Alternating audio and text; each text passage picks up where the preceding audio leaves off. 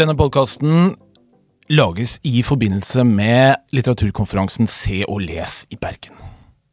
Men akkurat nå befinner vi oss i Oslo, og vi skal snakke om noe så sjeldent som en ungdomsboksuksess.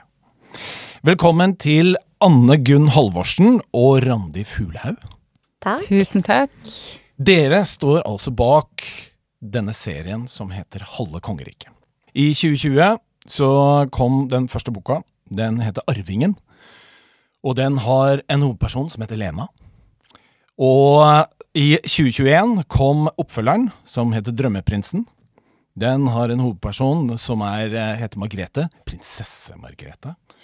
Og eh, samme år kom altså den tredje boka, som heter På tronen. Og der er hovedpersonen Tess. Og jeg vet Jeg har sjekket uh, Aschehougs nettsider, og der står det at den fjerde boka kommer i år, i 2022, og den heter Audiens. Og den handler om Kalle, eller skråstrek, skal vi si, Karl Johan, som altså er prins. Mm. Men jeg lurer på, skal vi begynne litt forfra? Hvordan møttes dere to? Nei, vi går way back. Mm. Eh, fra vår felles karriere i Dagbladet. Hvor jeg fikk jobb i eh, kulturavdelingen. Men før jeg rakk å starte, så ringte Randi fra det som da heter Dagbladet Fredag, og sa kom og jobb under meg istedenfor, for hun var sjef der. Og så ble jeg Randis undersått. Der. Det er vel hvor lenge siden? 15 år? Veldig rart å tenke på. Ja. Det var i sånn 2007, tror jeg, eller Ja. sånn. 2006. Så etter det Vi begynte jo da som journalister, begge to. Mm. Ja. Ja. Ikke uvanlig bakgrunn for en del forfattere, meg selv inkludert. Nei, sant? Mm. Det er vel ikke den rareste overgangene. Um, men så kjente vi jo Ja, så vi jobba jo sammen et par år eller noe sånt, før jeg flytta til USA, og så liksom møttes vi igjen noen år seinere, og så da var begge to begynt å skrive bøker med sakprosa liksom, hver for Mm. oss, og så var det bare at vi begynte å snakke på noen fester, tror jeg, at det hadde vært kjekt å gjøre noe sammen. Ja. Fordi vi alltid hadde litt sånn lik, lik referanse, lik humor, og vi liksom ja, Mm. skravla mye. Ja. Og så avtalte vi for tull at vi skulle ha en workshop, som vi kalte det. Eh, Ja. vi begge, var jo begge da blitt frilansere. Eh, og som frilanser så blir vi ikke invitert til så mange workshops, iallfall blir ikke med det. Så vi skulle ha det bare på tull, egentlig, eller vi skulle liksom se bare for gøy. Og så på denne workshopen da, som foregikk hos Randi, en frokost eh, hadde vi avtalt, eh, så fikk vi ideen til det, så da ble Arvingen noen måneder etterpå. Hvor lenge siden er det? Det der skjedde i august 2019, Mm. den workshopen. Og den workshopen var jo, eh, vil jeg jo si, alle workshoppers mor, i og med at eh, vi ikke bare kom på ideen til boka, men òg plotta hele boka i løpet av den formiddagen vi satt hjemme hos meg. Ja, Og så var det litt sånn som en nachspiel-idé, sant. At du, eller som nachspiel-idé ofte er, at du, du, syns, du blir veldig gira med en gang, og så går det noen dager, og så er du bare sånn Nei, jeg tror ikke det blir noe av. Men her så bare fortsatt var vi like gira. Vi sendte hverandre melding etterpå, bare sånn Åh, dette her må vi jo gjøre. Ja, jeg husker du sa du måtte ut og jogge, for du hadde så masse overskuddsenergi etter denne Ja. workshopen. Eh, så det var liksom alle tegn på at det var, var en god idé, da. Og vi jo vi holdt jo på med helt forskjellige ting, og hadde jo egentlig ikke satt av noe tid til at dette var noe vi skulle gjøre i det hele tatt, men så likevel så bare begynte vi. Og så eh, fortsatte vi, og så skrev vi førsteutkastet på tre måneder eller noe sånt. Ja. Sendte inn til forlag i november. Men da er det altså en forfatter med to hoder. Ja. Det er jo vært gjort før, men ikke så ofte. Fordi eh, det kan både være fordeler og ulemper ved det. Hva, er, eh, hva vil dere si, hvis vi tar fordelene først, da. Hva er det? Ja, altså jeg vil jo si at for oss har det vært eh, så å si bare fordeler. Det er jo Det høres jo ut som vi lyver, men det er det faktisk ikke. Men eh, nei, jeg tror først og fremst så har jo det gjort at eh, Altså, vi syns jo begge at forfatteryrket er utrolig kjekt. Eh, og så har dette tatt vekk det som kan være kjedelig, og det er at det kan være ensomt å sitte og ruge på et manus alene uten å ha noen å snakke med det om før du liksom sender det fra deg til redaktøren. Eh, det vi gjør nå, er at vi sender det fram og tilbake eh, i en slags skrivestafett, og får umiddelbar respons og skryt på alle ting vi skriver med en gang vi har skrevet det. Sånn at den der eh, usikkerheten eh, du til vanlig lever med som forfatter, da, er Selvfølgelig, den er jo der fortsatt, men vi jazzer hverandre opp. eh, under, altså Vi har en slags uskreven regel om at det bare er lov å skryte gjennom førsteutkastet. Uh, og det er jo ektefølt òg, fordi vi genuint liker det hverandre gjør. Men jeg tror at det, er, det gir jo en helt sånn egen eh, motor og energi i skriveprosessen, da. Som Ja, og jeg hadde jo aldri fullført Arvingen hvis ikke var en del, at jeg var en del av et par. For jeg har jo aldri skrevet skjønnlitterært før, og det har jeg hatt lyst til alltid, og har mange, mange ideer i skrivebordskuffa. Men så kommer jeg alltid til sånn side 11, og så bare Nei, fy fader, dette er bare ræl. Dette kan jeg aldri vise til noen. Nå må jeg finne meg en ny idé så jeg kan skrive ti sider av og gi opp. Og det gjorde jo til, med Arvingen òg, til de grader. Men da var jo Randi, som jeg kaller Jakob, og jeg er da Neikopp. Eh, så hun er Randi er alltid så positiv eh, til alt, og tenker at ting skal gå bra, mens jeg tenker at ting aldri går bra. Eh, og hun satt jo bare klar og venta på neste sider og sånn i Arvingen, så hun måtte jo bare levere, selv om jeg var aldri så misfornøyd og hadde null tru. Eh, så for min del så har det samarbeidet gjort at jeg faktisk ble ferdig med ting, og faktisk sendte det inn, som jo var det var helt sjukt at du ville sende inn det til noen som helst, syns jeg. Eh, så tenkte jeg at ja ja, vi driter oss iallfall ut i lag, da.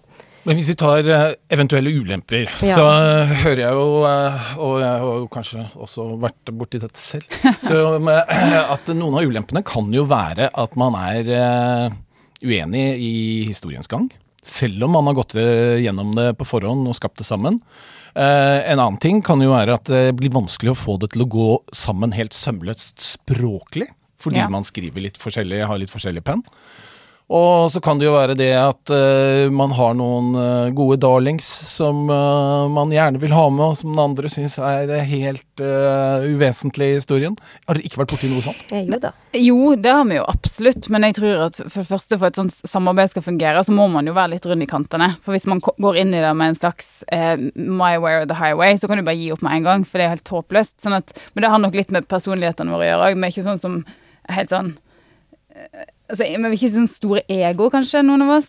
Nei, så tenker jeg at liksom Jeg tenker ikke at du gjør noe dritt, da. Nei. Eh, hvis jeg hadde gjort med noen andre, Ja. nesten alle andre, så ville jeg tenkt at øh, kanskje denne personen gjør noe dritt.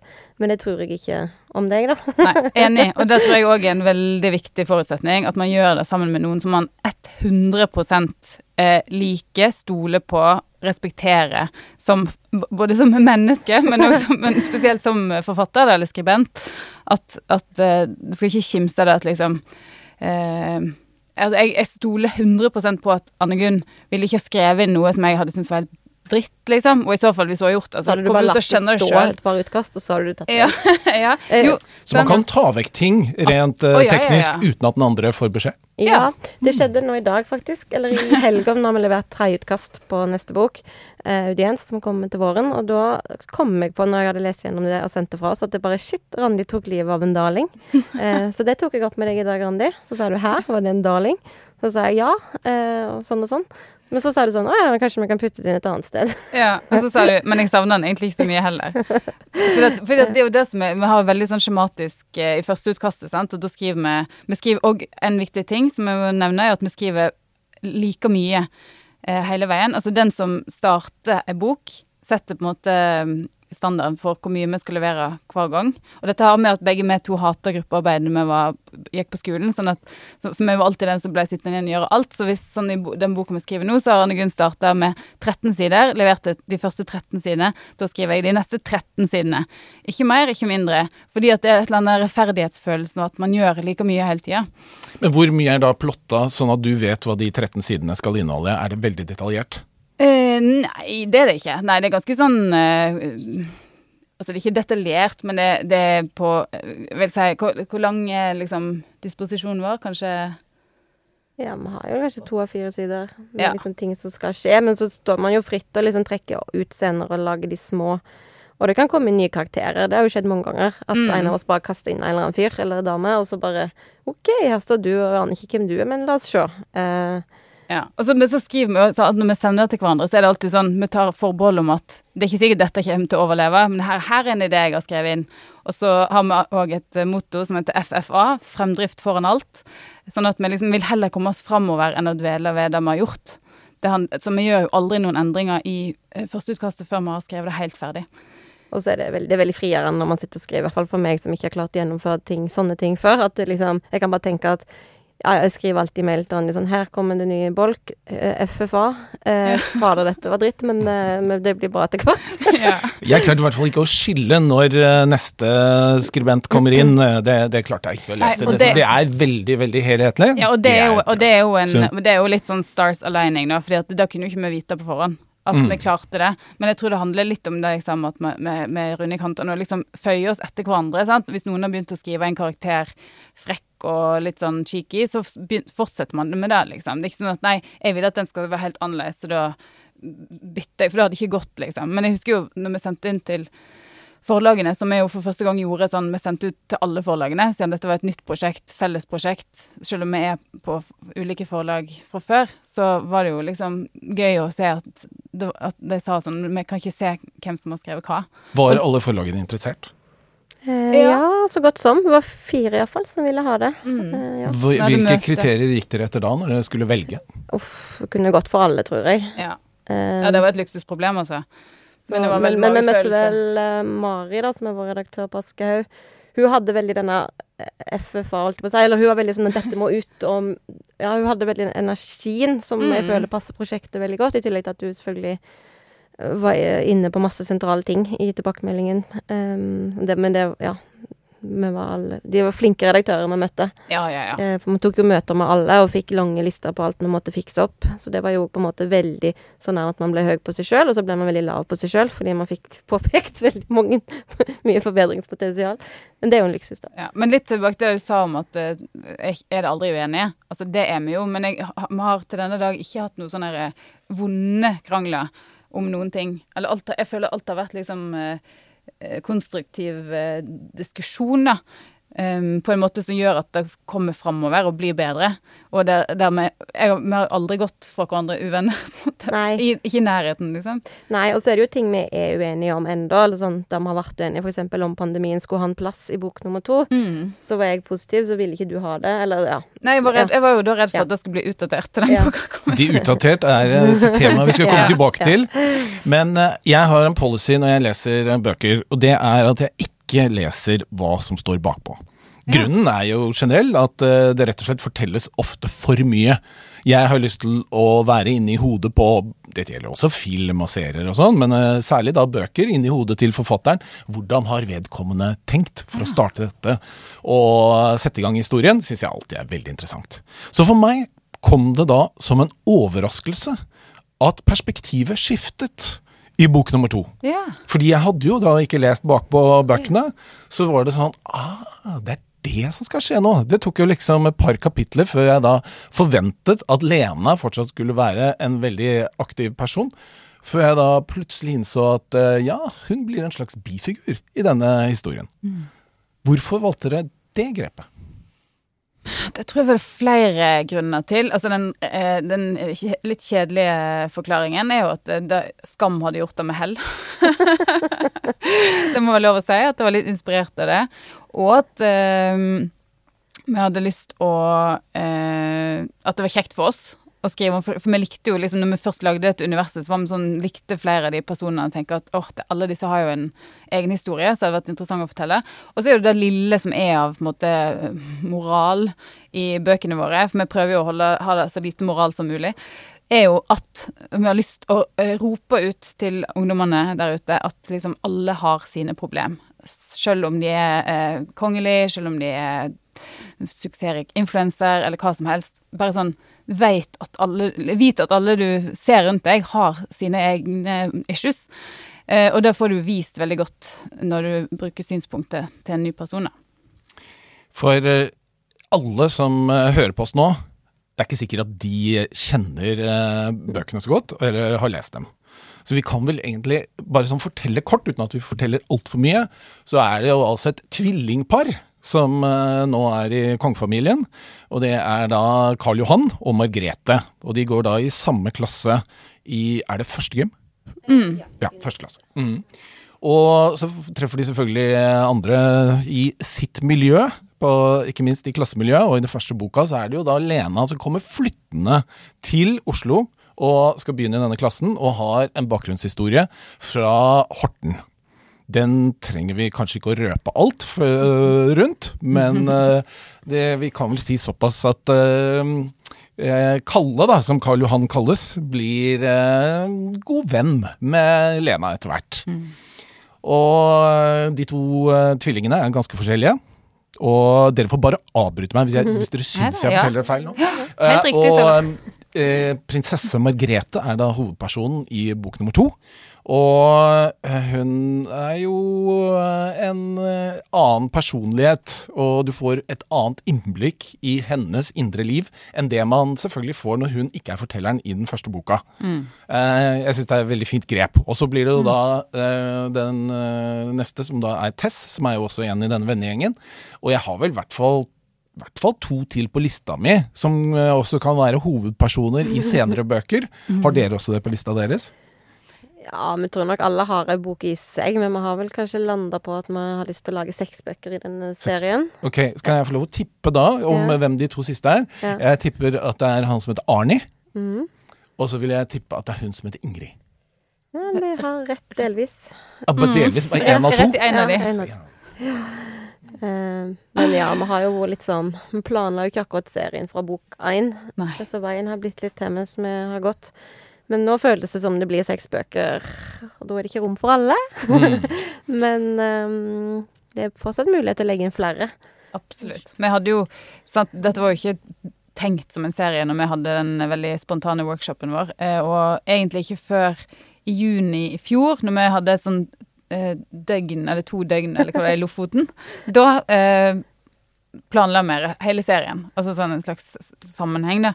Men det var vel jeg som begynte å sånn, gå ut og si si skrev dette forlaget, Ja. men dette er første Ja. bok i en serie. Jeg bare, Jeg syns det hørtes litt sånn eh, flott ut når jeg først sa det. Men det ble jo veldig fort klart at det burde være en serie. Vi kunne ikke begi oss med en bok. Men det gikk såpass fort. For vi fikk jo litt sånn råd om det at når man skal skrive bøker for ungdom, så er det jo greit å liksom eh, få de ut, på en måte. Sånn at de ikke vokser fra At målgruppa vokser fra deg. Og da ble det liksom at vi ja, fikk ikke tenkt de lange tankene. Så det er veldig deilig nå å vite på en måte hva som skal skje. Ja. Men deres eh, tvillingpar fra- i kongefamilien er jo selvfølgelig fiktive. Men dere har lagt det veldig tett aldersmessig opp til eh, de virkelige kongebarna. Ja, det har vi jo gjort, og vi er litt redde for at det skal bli litt sånn kleint og oppsett, overgrepsaktig, og liksom snylte for mye på de ekte. Så må har ha lagt inn litt sånn eh, Lagt inn faktorer som skal liksom minne leseren på at dette er ikke våre egne kongelige. Vi har jo en mannlig tronarving, og så har vi svensk dronning. Eh, men det er jo også har vi en fiktiv skole. Men det ligger jo på Frogner i likhet med Uranienborg, som Ingrid Alexandra har gått på, altså ungdomsskolen, da. Um, Men det er vel ja. i den grad det er er inspirert, direkte inspirert av kongelige, så er det vel vel så mye inspirert av europeiske kongelige, og ikke bare norske. Selv om, ja, prinsessen er like gammel som prinsessa i boka vår. Um, men der, ja. For jeg får alltid litt sånn angst når det dukker opp ting som jeg skjønner at å, det er litt sammenfallende. For vi har virkelig prøvd å ikke liksom Nei, det var nå, nå, nå har ikke prøvd å skrive fanfiction, liksom. Nei, ikke i det hele tatt, men nå når hun hadde bursdag, altså nå ble 18, hun kronprin, prin, jo, kronprinsesse, så var det bare sånne ting som dukket opp som i, i bøkene våre, som var helt sånn hæ, men at hun ikke likte makrell i tomat, det er jo ikke henne, det er jo ikke hun i bøkene våre som ikke liker makrell i tomat, men det er et poeng at en annen karakter som ikke gjør, ja, det var så mange At du sånne snakker småting fra livvaktene sine. ja, du at hun sånn snakker fra livvaktene sine, det har vi jo med, ja. For eh, noen reagerte på at uh, da hun fikk en bokpakke, så var det ikke noe krim blant uh, de bøkene. Men jeg stusser jo mer på at, ikke fikk, at hun ikke fikk denne bokserien. Jo. Hun gjorde det, Hun fikk arvingen. Ja, fikk bare arvingen. Ikke Ja, hele, altså. ikke hele, nei, det er veldig Ja, Katrine Krøger mente at det var- Ja. Katrine Krøger i Dagbladet mente at det var den du burde begynne med å lese. Ja, hun Eh, skrev det. Det stemmer, jeg er enig i. Ikke Men vi, før vi skal gå videre og dykke enda dypere i dette, så vil jeg bare høre Det blir altså Netflix. Film eller serie? film. Film. Film. Og det er den første boka. Ja. Blir det flere? Vi håper det. Vi håper det. Mm. Men denne er innspilt og klar. Japp. Kommer når? Vi tror den kommer til sommeren, eh, men vi er ikke helt sikre på premieredato. Det er det Netflix som bestemmer. Kommer litt an på hvordan de stabler ting. Men jeg tipper det blir sommer, for det er jo en liksom sommer... sommer Veldig sommerfilm. film, Mm. Sommerbilder. Når det gjelder de andre temaene vi skal uh, snakke om i forbindelse med denne bokserien, så er det jo så at dere vant uh, U-prisen i fjor. for uh, Arvingen, den eh, første. Eh, dog ikke eh, nominert i år, men eh, det har jo vært mange anmeldelser likevel. Jeg har kikket litt på de anmeldelsene, og så har jeg tatt ut noen sitater derfra som jeg tenker kan liksom initiere noen temaer for oss. Eh, og dette er da sitater som er fra ungdommenes egne anmeldelser av de to eh, bøkene som kom da i 2021. Og første sitatet er Budskapet er at selv om man er kjent og rik, kan man ha vanlige ungdomsproblemer. Dette var du faktisk innom litt i stad. Ja. Mm. Og samtidig har du sagt at budskap ikke er viktig for dere i, eh, i denne serien. Jeg sa at moral ikke var viktig. Ja. Budskap kan jo være noe litt annet. At man liksom får ut et budskap. Men, eh, men ja, nei, det, det, var, altså, det, var jo, det er jo litt viktig å si at hele eh, poenget med den serien her var jo å skrive ungdomsbøker som hadde minst mulig eh, Tung og viktig. tema. Tung og viktig tema, ja.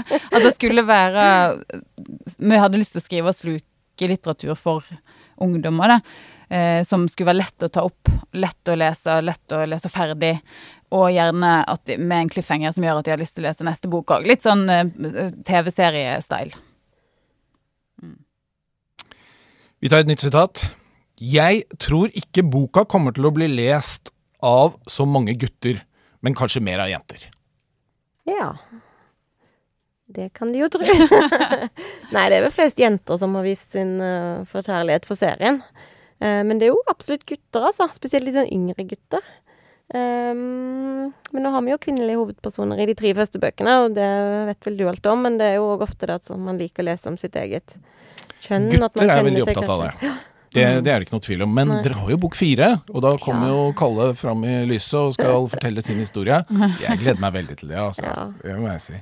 Og det er ikke til å legge skjul på at det liksom Når man er kvinne som har vært jente, så er det jo lettere kanskje for oss å skille Altså sånn Det ligger oss nærmere, da, å liksom gripe fatt i et tenåringsjenteliv. Fordi der Ja. har vi vært sjøl, og det er mye gøy som vi har erfart der, som man kan bruke. Mm. Um, så det er jo en fordel. Det blir kanskje derfor det har blitt sånn med de tre første. Vi har ikke prøvd å skrive liksom, noe for å nå jenter, men vi har definitivt Nei, ikke prøvd å skrive noe som skal nå gutter. Nei, men vi merker jo da at, at det er jo ting som er vanskeligere om å skrive om Kalle i bok fire. Altså definitivt. Fordi, ja, som du sa, da, at det er ting, altså, selv, om ikke, selv om det ikke selvopplevde ting vi skriver om, så kan vi hente så veldig mye følelser og observasjoner fra våre tenåringsjenteliv. Eh, på bygda på Vestlandet, riktignok. Men, eh, men med en gang vi skulle liksom virkelig være og Kalle, så var det litt sånn oh, ja, dette oh, så tenkes masse på liksom hvordan man er i kroppen som 17-årig forelska gutt. Altså Ja. Uh, Men bruker dere noen konsulenter underveis? Ja. Ja. Ja. I riktig aldersgruppe? ja. Ja. Har dere noen hjemme, til og med, eller? Nei. Nei. Vi har små barn. Ja, jeg har en, og en stesønn, men han er liksom litt over igjen. Ja. Kanskje jeg skal spørre han om å lese den her. Uff, nei, det kleint. Jeg, jeg føler nesten at det blir for nært. Det må være noen vi ikke kjenner. Mm. Ja. Ha, bør har de også, de konsulentene, påpekt feil ordbruk? Ja. Ja. Mm. Og referanser på sanger og danser og sånn. mm. eh, til en viss grad. Ikke sånn kjempemasse, men det er jo det de har påpekt. Ja. Sånn at man måtte ta vekk begrepet borat-truse, for eksempel. Ja. For det, det kjenner du ikke lenger, nei. Nei, Nei, men nå nå kjenner de det kanskje Ja, igjen, for for nå har det kommet en ny ny- film. Sånn. Men når vi holdt på, så var ikke den kommet. Den på Arvingen. Og ordet kudos måtte vi ta vekk. For det var tydeligvis sånn der underskogbrukere som oss Ja. sjøl, som kan. Men det, var ve altså, Det det er veldig gøy, altså. veldig gøy og veldig interessant hvor det, nyan, nyanser det er snakk om. Det. Detaljer. For det er ikke så veldig mye sånn her eh, for meg- for sånn, ja, Hvordan klarer det ungdomsspråket? Sånn, altså hvordan man snakker. Det, I hvert fall konsulentene våre har ikke påpekt det noe særlig. Sånn der, nei, sånn sier vi ikke. Og, altså sånn uttrykk og sånn. For jeg, og liksom som jeg har snakka en del om, at jeg tror jo ikke at ungdom snakker så drastisk annerledes enn voksne, egentlig. Det handler om hva de snakker om. sant? Og Derfor er det så viktig å få de små, små detaljene riktig. sånn at hvis vi skriver at Ariana Grande er den liksom, største artisten som er akkurat nå, så noen som sier at nei, men hun er ikke så hot lenger, liksom, hun er på vei ned. Da må vi bytte ut den. Altså sånn Ja, det er masse der, sånne eh, småting. det har skrevet at en sånn douche i tredje klasse hadde eh, Jeg skrev at han hadde pannebånd, Mm. men så fikk vi retting fra konsulenten at han hadde nok midtskill. hvis du var en drittsekk. Ja, ja. Og, og at eh, og i første bok Det var veldig mye som ble tatt liksom i første bok. For at jeg skrev at uh, Margrethe, prinsesse Margrethe i første skoledag gikk med sånn skjørt som var sånn ankelengde på skjørtet. Og så sa hun ene konsulenten at det, det er ingen som går kledd sånn, liksom. Og vi, og da var jo ikke vi vant med å være ute på eh, DKS-formidling og sånn. Og så nå når vi er det hos ung- 9. klasse, så ser vi at altså, det, er en, det er så å si ingen som ikke har jeans og hettegenser. Samme hvor du er, liksom. Altså Det er så uniformert. Og liksom at hun skulle gå med blomstrete ankellengdeskjørt, det er bare helt sånn nei, nei. nei. nei. Jeg skrev en eh, ungdomsbok i 2002 som eh, jeg i dag eh, håper ingen leser. Rett og slett fordi den er så datert. Ikke sant? Både tematisk og delvis eh, språklig dia i dialogen. Ja. Hva tenker dere om på en måte Hvor lenge kan disse bøkene overleve? Det er jo på en måte et litt bevisst valg vi har tatt, og at vi vil heller at de skal være veldig gøye og aktuelle å lese nå, enn at de skal holde seg om fem år. Og da tenker jeg at det en litt sånn eh, viktig eh, ting å bestemme seg for det, for å faktisk nå ungdommen. Fordi jeg tror eh, kanskje litt for mange tenker at liksom Nei, men vi orker ikke å skrive om sosiale medier, for det, så ut, det blir så fort utdatert. Og liksom. Men folk vil jo lese om det de lever om i, liksom. Mm. nå, tenker jeg. Sånn at Det er jo veldig Ja. vanskelig liksom, å skrive samtidsting uten å ha med liksom Snapchat. Altså sånn, Da føles det jo ikke realistisk. Og så tenker jeg at et veldig godt samtidsbilde eh, Det blir jo ikke utdatert, tror jeg egentlig. Det blir bare sånn interessant. Sånn var det da.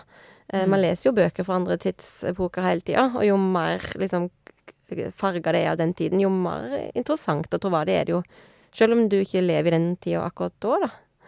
Jeg syns det er litt, sånn, litt rar Samtidig så vet man jo ikke helt det om bøker og, og sånn som kommer ut nå, fordi det er så tidsspesifikt med den teknologien og, og, og sosiale medier. Sånn, så jeg tenker sånn at man fortsatt ser på Friends og Seinfeld og Sex og singelliv og alt sånn, kan jo òg være fordi at det er færre sånne tidsspesifikke faktorer. Jeg vet liksom ikke. Man vet jo ikke. Men man ser jo på Altså, Skam har jo holdt seg, men ikke så lenge siden. da. Men, de, ja, for, men de bruker jo teknologien til å liksom snakke sammen og sende beskjeder. Og det vil jo være i framtida òg, så jeg tenker jo Og dere beskriver jo et, eh, ja, et vestkantmiljø, hvor mm. deres slanguttrykk er jo stort sett basert på engelsk, og ikke noe kebabnorsk, f.eks. Så, så dere har jo uh, uttrykk som er i hvert fall lette å forstå en gang i framtida. Mm, ja, det er sant. Men apropos dette med engelske ord og uttrykk. Dere skal få kjørt dere litt nå i det neste sitatet her. Det er altså Personlig liker jeg å lese om kjærlighet. Men det var veldig mange deler av denne boka hvor jeg opplevde litt for mye second hand embarrassment.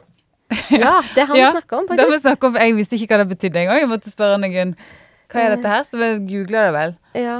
Um, ja, for det betyr, så vidt jeg har skjønt, da, eh, at, man, at det er sånn puteflauhet. Eh, at når man Altså, det som, det som er så cringe senere. Kleine scener. jeg husker at den anmeldelsen for øvrig var veldig god. At det, det var liksom bare sånn Var ikke det? Ja, jo. At Ja, jeg har jo ikke plukket fra Nei, nei, spesielt dårlige nei, men- anmeldelser. Jeg nei, har plukket fra alle. Men jeg mente Ja. ikke gode, god som i at hun likte den, men at den var veldig bra skrevet. Og så var det bare sånn Å, herregud, vi må lære oss begrepet second hand embarrassment, for dette her er åpenbart ei som liksom vet hva hun snakker om. Men det, er, men det er det, sant? Du ser noe sånn altså sånn så hele liksom, Masse sånn TV-programmer er jo basert på det at du ser folk drite seg ut, og så blir det så vondt. Det er så vondt å se på, da. Jeg følte i hvert fall at det var det hun mente. At Ja. man blir sånn uff a meg. Eh, ja. og det er det i- i, bøkene våre. Ja ja, vi vil ha masse. Masse sånn second hand embarrassment. Altså, det er jo bare gøy. Og vi vil jo alltid at det skal rakne litt for alle hovedpersonene. Det er jo noe som går igjen i alle bøkene. Og det er jo en annen her som har skrevet NB. Inneholder kleine sexepisoder. Ja. Eh. Mm.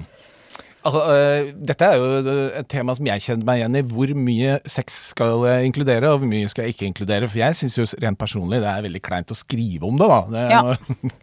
Og når bare- vi som er to, da, i første bok for eksempel, så er det to sexscener. Vi skriver en hver, sånn at vi begge har gjort det. oh, ja. Og så har vi òg vedtatt at vi aldri skal si hvem som har skrevet hva Ja. av sånne intime scener. Eh, da kan man slippe seg litt mer løs òg, for jeg kan å tenke at alle tror at det er Randi som har skrevet det. ja. Jeg gjorde et par eh, ikke for å fortelle for mye her, men altså jeg gjorde et par eh, bøker som jeg skrev sammen med Helene Uri, og da hadde vi jo en mannlig person som jeg skrev, eller en gutt, da, og hun skrev jenta. Og da skulle vi ha noen sexscener. Men, eh, og da skrev vi jo annethvert kapittel. Ja. Men det vi ikke hadde avtalt, var når et kapittel skulle slutte, og når det neste skulle begynne. Så at hver gang det kom en sexscene, så kunne jeg liksom begynne å få av dem klærne, og så sluttet jeg. og så sluttet- ja, ja. Så slapp jeg å skrive Ja, det, det som skjedde etterpå. Ja, det er veldig Det er kjent med skrive med to, at du kan liksom bare Ja, du kan bare legge opp en pasning eller en liten sånn eh, wink-wink. Her, her er det bare å fortsette med det. Ja, nå begynner det å bli hett. Ha det. Ja. Det neste sitatet er også noe som dere har for så vidt eh, nevnt. Eh, her står det Jeg har ikke lest mange bøker med lik handling som Drømmeprinsen. Men det er mange ungdomsfilmer som kan minne om boka. For det, dere nevnte jo at dere har tenkt det så, nesten som en serie. Sånn når har. Og så nevner vedkommende Age of 17 som eh, eksempel på ungdomsfilmene. Men eh, fordi dere har en Jeg syns også dette er veldig filmatisk. Det, det har, eh, og det er også der kanskje inspirasjonen kommer i større grad fra serier enn fra litteratur. ja. Ja, og vi har jo, jeg så jo i notatene når vi har planla arvingen, så er det jo liksom, vi har jo Gossip Girl. Eh, veldig mange referanser til Gossip Girl, spesielt Ja. eh, når vi planla Ja. liksom karaktergalleri. Bare sånn Å, vi må ha Nate, vi må ha Serena, vi må ha Blair'. Blair. Eh, og det er jo det er nok sant, det. Og så tror jeg jo når man planlegger bøkene, at det er lett det er lett for oss å legge de forskjellige scenene til liksom locations, da. Eh, sånn at vi ser det for oss. Mm. Eh, at det fort blir litt filmatisk ved det, da. At de flytter seg fra sted til sted hele tida. Um, så nå blir det jo uh, film av Arvingen, iallfall. Og det jo, de tar jo noen grep der, eh, selvfølgelig for at det skal funke som en film. Men vi ser jo òg at de scenene er jo stort sett de samme. Mm. Eh, locationene vi har sett for oss. Og, Mm. så det funker jo Og det er òg veldig lurt når man skriver to, tenker jeg. For det, det er jo et eller annet med å skal se for seg det samme, sant. Altså, og faktisk ha helt sånn klare referanser. Vi pleier òg alltid å liksom Når vi skriver nye karakterer, så er vi sånn OK, hvem er det, liksom? Eh, altså så helt sånn faktiske folk som fins, enten det er noen vi kjenner, eller noen som er på TV, eller ja. Sånn at vi er helt sikre på at vi har felles uh, referanser, da. Og da tenker jeg òg er lurt med at, vi, at det er såpass scenisk. Um, ja, det, det gjør det òg lettere å være to om det. Et annet sitat er boka var en blanding av fantasi, eventyr og kjærlighet. Kjærlighet har vi for så vidt vært innom. Eh, fantasi, fint. Men eventyr har jeg også sett eh, blitt brukt i en del anmeldelser av eh, voksne også. Ja, Det er mange som kaller det en moderne Askepott-historie. Ja, det er fordi det handler om de kongelige. Jeg tror ikke det er At de plutselig kommer inn i bildet. At det blir litt sånn eventyraktig. Kanskje, men det er jo òg den moderne Altså, med hun Lena i bok én, Altså det at en eh, liksom, en nobody blir sammen med prinsen, er jo eh, fortalt i 100 000 historier før. Men det er jo Det er jo en modernisert versjon på den måten at hun er jo ikke noen uskyldig eh, eh, sånn eh, gudsord fra landet, på en måte. Hun, er, hun har jo en ganske aktivt hatt en eh, fortid, som jo kommer fram etter hvert, på Ja, der hun har eh, ja, gjort mye rart. Um, sånn at um, Og så går det jo Ja. bra, da. Altså sånn I eventyr så er det jo mange slemminger, det er ikke det, liksom. Men Mm. jeg tror vi både går og du, Randi, vi er vel enige om at vi vil liksom at leseren skal sitte igjen med sånn her Å, så bra at alle var snille til slutt, da. at, er liksom, at vi vil legge igjen leseren i en sånn hyggelig, et hyggelig sted, da. Ja. Fordi at vi tenker at det er det ungdommen trenger. Eh, som hun var inne på før, at vi vil liksom skrive bøker som er glade, eh, som ikke liksom handler om noe mørkt og viktig nødvendigvis, eh, men først og fremst skal være sånn eskapisme og eh, fremme leseglede, og liksom at man skal kunne drømme seg vekk, da, mm, i en verden som ligner ens egen, men der kanskje ting er litt bedre og litt mer dramatisk og litt mer spennende. mm. Så ja, sant, Vi elsker jo happy ending, og det er jo fint å kunne skrive liksom fine, romantiske happy endings, men så ha en cliffhanger som peker til neste bok. Det er jo Ja. sånn at det ikke blir for uh, svulstig. For der har jeg et annet sitat som handler om akkurat det. Det var en brå slutt som ikke ga mening. Det er kanskje noen som har skjønt da, at det ikke peker videre Nei, til neste bok. For uh, dette er jo en ting som jeg ofte kommer borti, at uh, hvis du har en såkalt åpen slutt på en bok, så er det veldig mange i den aldersgruppa der som blir veldig irriterte. Ja. Fordi de vil ha på en måte en eh, løsning på alt, og at det skal roe seg ned, og der er jeg ferdig. Ja. Jeg har brukt og investert så mye tid på å lese fram dit, Ja. og da vil jeg faktisk faen, vite jeg hva som eh, skjedde alt. Så, så jeg merker at det, det kan Men, eh, Men med, alle lærere må passe på å lære elevene sine uttrykket epilog. Så vi skriver epilog, og så kommer den uh, cliffhangeren. Man kan slutte Eller du kan, epilogen. ja, du kan slutte før epilogen hvis du ikke vil. Men det er rent kynisk, da, for vi vil jo ta de med oss videre til neste bok. Ja. uh, og vet jo at det er dritirriterende. Herlighet. Man merker jo det når man ser TV-serier før òg. Og når jeg var liten og leste bøker, så fikk man jo lyst til å rive opp liksom det siste pappsiden der. Liksom. Det må jo være mer her. Jeg kan ikke liksom live meg Ja, og nå er det jo litt dårlig gjort når disse bøkene fortsatt blir skrevet, men jeg tenker sånn i framtida når alle bøkene, det er en serien på seks bøker er der, hvis man faktisk da sant, vil, har lyst til å lese videre, så fins de, liksom. Og det er jo Ja. Er ikke det bra, da? For de unge? Kunne plukke Det neste temaet som det bringer oss over til, er noe som også jeg eh, stadig støtter på. Det er jo da det ene Det er to sitater. Eh, boka er ganske lang, så hvis du liker korte historier, så passer den ikke for deg. Og så den andre er eh, Denne hadde vært perfekt og den var litt kortere. Ja. Fordi bøkene deres er jo over 300 sider. Oh shit, det er Er det? Ja, det er eh, Så, det, så det er jo for mange så fortoner det seg veldig langt. Ja. Jeg tror at for ganske mange uh, lesere, og du må huske på at det er veldig mange som er ganske svake lesere, så, så er jo 100 sider ganske mye. Mm. Så, men har dere uh, Jeg var selv overrasket over at, uh, at de var såpass lange. Eh, det, det må jeg si. Men det Man man forsvares med innholdet. Det er ikke Ja. bevares, det har ikke noe med det å Men gjøre. vi har faktisk likevel. tatt, eh, tatt det der litt etterretning. Det det, sånn at nå, ja. For dette, bok tre var jo lengst, jo ble, Mm. ble jo lenger enn de to første òg. Sånn at eh, den boka vi skriver på nå, blir den korteste. Og vi har kjører kortere kapitler. Akkurat for å liksom prøve å få med de som eh, Ja. Mm. For jeg tror nok korte kapitler har òg en jo veldig sånn psykologisk effekt på at du det går framover. Sant? At du kommer videre. Mm, og så at vi prøver å kliffe ka kapitlene. Det har vi Mm. jo gjort mer eller mindre bevisst. Men det var vi vel ekstra skrudde til en ekstra runde nå i den boka vi holder på med nå. Ja, for jeg er klar over at de lengste kapitlene er i bok tre. Mm, Ja, alt er le lengst i Ja, bok tre. Ja. Sklei meg helt ut. Nei, ja. Her kommer det med eh, kanskje det mest negative sitatet. Det er da i de kapitlene som det skjer svært lite i, sonet jeg helt ut og begynte å tenke på alt mulig annet. ja. ja, det skal det ikke, ass. Nei, det skal det ikke. Det er en glipp. Det er en glipp. Det er- dere, dere tar selvkritikk der? Ja, ok. Det er mot Ja, eh, statuttene til Halve kongeriket-prosjektet. Ja.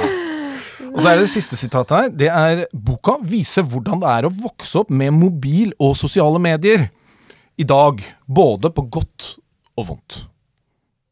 Ja, det er jo fint, da. Fordi det tror jeg er, eh, meg selv inkludert, mange forfattere er litt engstelige for. Nettopp fordi at hvis jeg tenker at denne boka skal uh, bli lest om noen år, så kan jeg ikke bruke så mye sosiale medier. Kan ikke skrive så mye teknisk om selve mobilen, for jeg vet at det kommer til å forandre seg.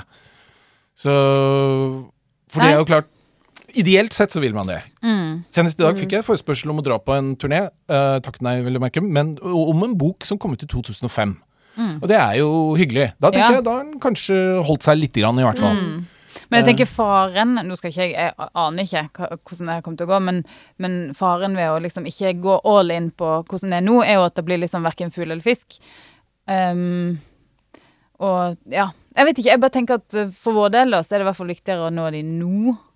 Ja. At de kjenner seg igjen nå, og så får vi heller se Ja, hvordan det det ja, seg. og jeg er jo oppvokst med sosiale medier. Jeg har jo chatta siden jeg var ti, minst. Eh, og jeg lever jo veldig stor deler av livet mitt på internett. Så, så det er veldig ekstremt fremmed for meg å skrive en verden uten, uten sosiale medier. Ja. Mm. Eh, men her har vi jo hvilt oss ganske tungt på konsulentene våre. Ja. Eh, og vi har tatt ut Facebook for eksempel, og Messenger og sånne ting. Og jeg har sikkert Herregud, vi har jo masse sånn Snapscore-greier i bok nummer én, og det er jo en ting vi ikke praktiserer, selv om jeg har et sjukt høyt Snapscore, faktisk, for jeg snapper enormt. Men jeg forholder meg ikke til liksom streak og sånne ting.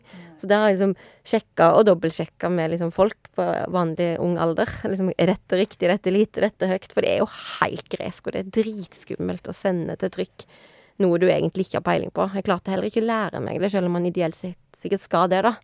Eh, Men dette sitatet, ut fra det, leste jo jeg at dette er noe de har savnet. Mm. ja. Og jeg leser ganske mye ungdomslitteratur, og jeg må si at det er sjelden at det er mye om sosiale medier i det hele tatt. Mm. Eh, og det, men det er klart, jeg har jo bøker, lest bøker hvor, forholdsvis nylig hvor alle ungdommen er på Facebook.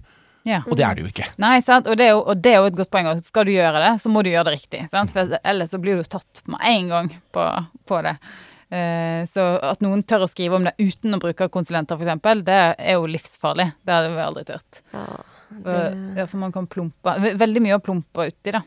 det er det det er. Og så kanskje en gang ungdommen var på Facebook, og så ja, nei. Og så blir de utdatert fordi at ja, de flytter seg. Men Men så tror jo jeg òg at, at, liksom, at alt dette er jo staffasje òg. Så jeg, jeg tror jo at Eller jeg håper da at disse bøkene kommer til å holde seg fordi at det i bunn og grunn handler jo om store følelser og bekymringer som eh, du har enten du bor på i Oslo vest eller på bygda og aldri har vært i nærheten av dette miljøet eller kongelige. Sånn at det er jo liksom det som er Og sikkert i all ungdomslitteratur, sant, at sånn sett så Hvis de historiene er gode nok og, du, og, og engasjerende nok, så tror ikke det blir så utdatert likevel, da. Altså, jeg tenker det kan være mer irritasjonsmoment hvis det er feil her og nå, enn hva det vil gjøre for framtiden til bokserien. Hvis du skal trekke fram én ting som dere selv har lært med dette arbeidet, hva vil det være? eh, jeg er på en måte mye eldre enn jeg tror, da. Jeg har alltid, liksom, alltid drevet med ungdomsting og skrevet ting mot ungdom. Men når vi begynte liksom med denne serien og måtte liksom ned i detaljnivå på hvordan det var ungdom i dag, så, så har jeg veldig fått respekt for liksom konsulentbruk. Nettopp at man liksom ikke skal ta for gitt at de kommuniserer sånn eller sånn, eller har den sveisen sånn eller sånn. Eh, så jeg har mye mer res altså, respekt for alt jeg ikke vet om disse folkene vi skriver om. Um, Så lærer vi jo mye, det har vi snakket om senest i dag, om eh, altså oppbygging av historier. Eh, I og med at vi har ikke skrevet så mye skjønnlitteratur før. I hvert fall ikke på den måten. Og vi, vi snakker jo så mye sammen. I og med at vi er to, da, enda enda en positiv eh, ting med det. For vi har jo tilgang på Altså, man har jo tilgang på redaktøren sin i forlagene òg, men man kan ikke drive og mase på dem hver eneste dag heller.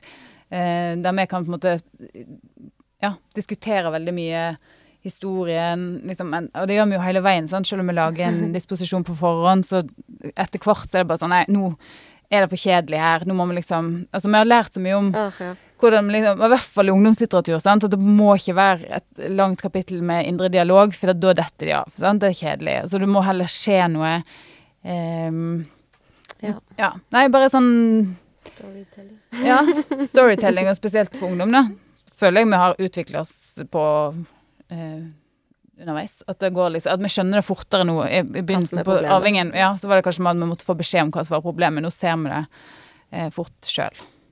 Ja. Men hvis dette nå blir seks bøker til sammen, så blir det en av de største ungdomsbokseriene som har kommet ut i Norge i nyere tid. Ja. Og eh, ikke minst så har dere jo da klart å slå igjen på, dem, på den måten for et publikum som vanligvis ikke leser bøker. Ja. Det er jo eh, For det er jo imponerende at vi i et lite land som Norge kommer det jo ut kanskje et sted mellom 40 og 50 nyskrevne eh, ungdomsbøker av norske forfattere i år. I år, ja. Og det er jo en ting jeg har lært i dette livet, som er utprisen og alt. Så begynte jeg å lese litt ungdomslitteratur hit og dit, men ofte oversatt, av de store liksom slagerne. Eh, men har virkelig liksom gått opp for meg hvor mange gode ungdomsbøker som blir gitt ut. For man møter jo forfattere, og så blir man nysgjerrig på bøkene, og så leser man de, og så legger man jo merke til hvor lite oppmerksomhet ungdomslitteratur får. Mm. Og det er jo en liten skandale i seg sjøl. Mm. Alle disse gode bøkene som går fullstendig under radaren, selv om de er jo retta mot de som trenger det absolutt mest, liksom. Ungdom som både trenger å fremme leseferdigheter, men først av alt liksom trenger å få innblikk i andres liv, da, utvikle empati og lære ting. Eh, og se, se livet fra forskjellige vinkler. Eh, så det er jo Ja, jeg kjenner at det skal jeg kanskje engasjere meg i når jeg blir voksen. Så liksom. Så det er litt lite. Randi Fuglaug og Anne Gunn Halvorsen. Veldig hyggelig å kunne grave litt i eh, bokserien deres. Eh, neste gang så møtes vi Er det forhåpentligvis ikke pandemi, og vi kan møtes i Bergen. Mm. Men tusen takk for at dere stilte opp. Takk for Tusen oss. takk for oss.